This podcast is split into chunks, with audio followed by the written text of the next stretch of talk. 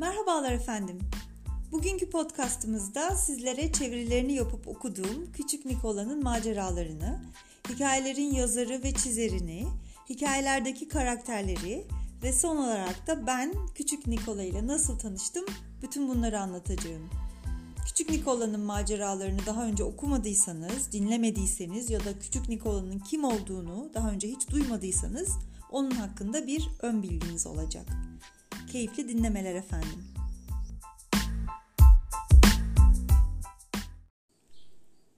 Kitapların ilk Türkçe çevirileri Vivet Karetti tarafından yapılmış.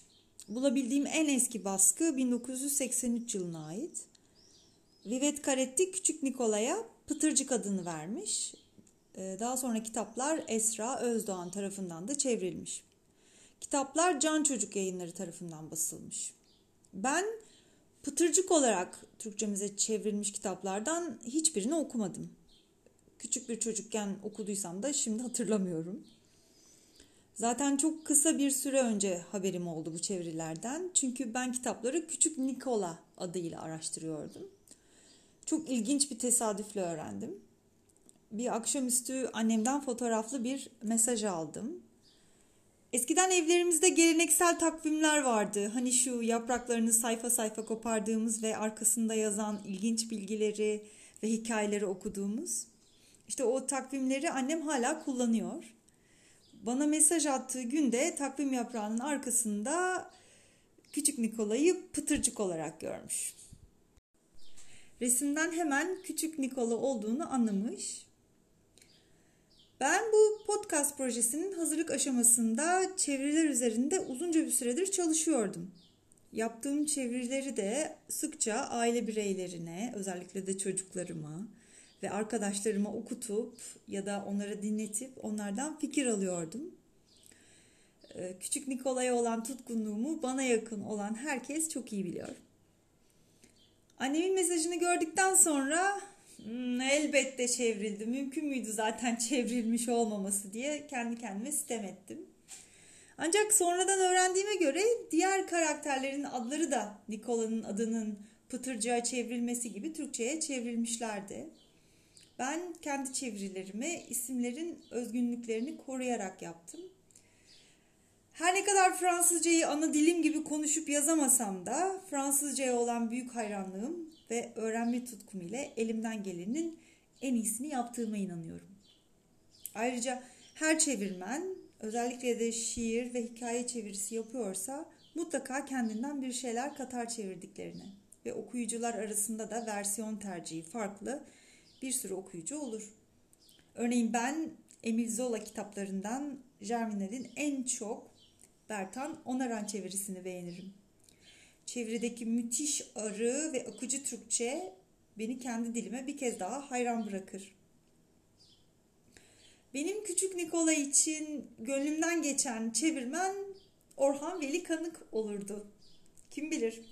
Belki de gencecik yaşında ölmeseydi gerçekten de böyle bir şey mümkün olabilirdi. Biraz da küçük Nikola ile nasıl tanıştım onu anlatayım. Paris'te tanıştık efendim. Kendileri bir dil okulunun kitaplığından bana bakıyorlardı. E ben de buna kayıtsız kalamadım. Gerçekten de Fransız erkeklerinin çekici bir havası var. Bundan yaklaşık 3 yıl kadar önceydi. Paris'te Nord ve Gare de arası bir yerde Ecole Suisse adında bir dil okulu vardır. Okul küçüktür ama atmosfer ve ambiyans çok sıcaktır. Teneffüslerde öğretmenler öğrencilerle avludaki büyük masanın etrafında sohbet ederler. Tıpkı birer arkadaş gibi. Öğrencileri birbirleriyle konuşup pratik yapmaları için teşvik ederler. Ve bu masa etrafında İngiliz hocalarla rahatça konuşamayacağınız her konuyu Fransız hocalarla rahatlıkla konuşabilirsiniz. Birkaç hafta gibi kısa bir süre burada kursa gitmiş olsam da çok güzel bir deneyim yaşadım ve güzel dostluklar edindim. Okulun üst katında koridor boyunca bir kitaplık ve kitaplıkta da çoğunlukla her seviyeye göre hikaye kitapları vardır. Seviyeme uygun ve çabuk okuyabileceğimi düşündüğüm bir kitap aldım raftan. İşte bu küçük Nikola ve benim ilk göz göze geldiğimiz andı. Kitabı açtığımda resimleri görünce önce hayal kırıklığına uğradığımı itiraf ediyorum.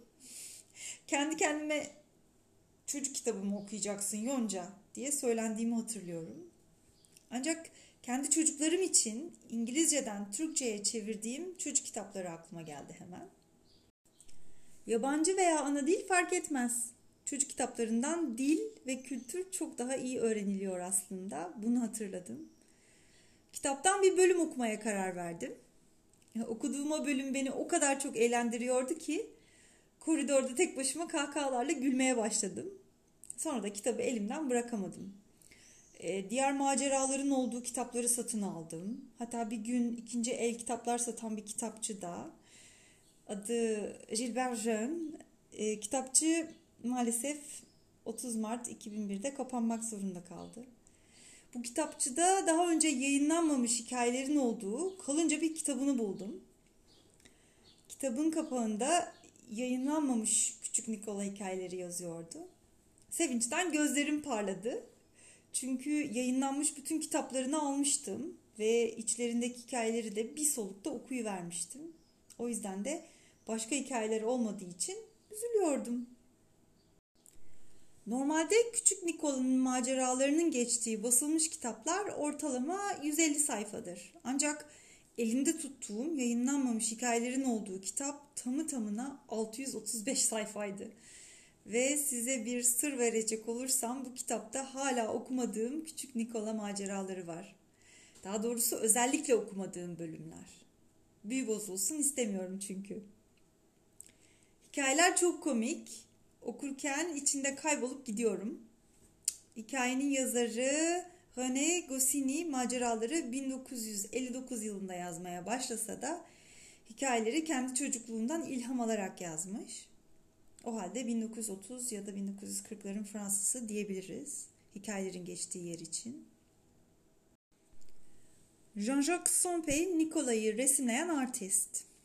Bir gün Amerika kıtasından yeni dönen Goscinny ile tanışıyor. Hemen kaynaşıp dost oluyorlar ve bu dostluk bize Küçük Nikola'yı kazandırıyor. 1959'dan 1965'e kadar her hafta Sampe ve Goscinny bir araya gelip Küçük Nikola'nın maceralarını yazıp çizdikleri hikayeler üzerinde çalışıyorlar. Biraz da hikayedeki karakterlerden bahsedelim. Hmm, hikayemizin kahramanı Küçük Nikola evin tek çocuğu. Biraz yaramaz, biraz haylaz ama iyi kalpli bir çocuk. Ve her 7 ya da 8 yaşlarındaki bir erkek çocuk gibi hareketli ve meraklı. Baba karakteri o dönemin hayatını evden ofise, ofisten eve giderek geçirdiği klasik Fransız erkeği. İşte yorulduğu için eve geldiğinde ev ve çocuk sorumluluğu almak istemeyen, oturup gazetesini okuyarak günün yorgunluğunu atmak isteyen bir baba figürü.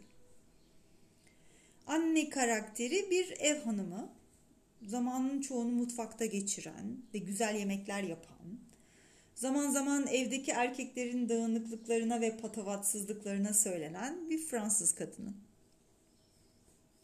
Nikola erkek okuluna gittiği için sınıf arkadaşlarının tamamı erkek. E, Alcest Nikola'nın en yakın arkadaşı ve evleri de Nikolaların evine yakın.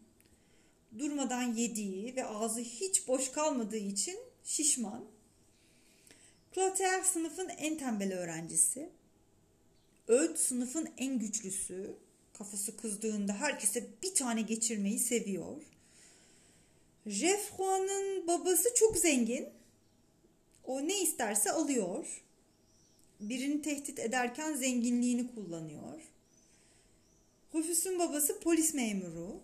O da istemediği bir durum halinde babasının herkese ceza yazacağı ya da herkesi hapse atacağı tehditlerini savuruyor. Marie Edwige komşularının sarışın mavi gözlü kızı ve Nikola'nın da çocukluk aşkı. Ve daha bir sürü ilginç karakter, öğretmeninden müfettişe, komşularından mahallenin insanlarına ve akrabalarına kadar. Sürükleyici, ilginç, eğlenceli ve çok komik. Hikayeleri Nikola'nın ağzından okumaya çalıştım. O yüzden sürçülisan ettiysem affınıza sığınıyorum efendim. Umarım sizi de benim eğlendiğim kadar eğlendirme mutluluğunu yaşayabilirim. Keyifli dinlemeler.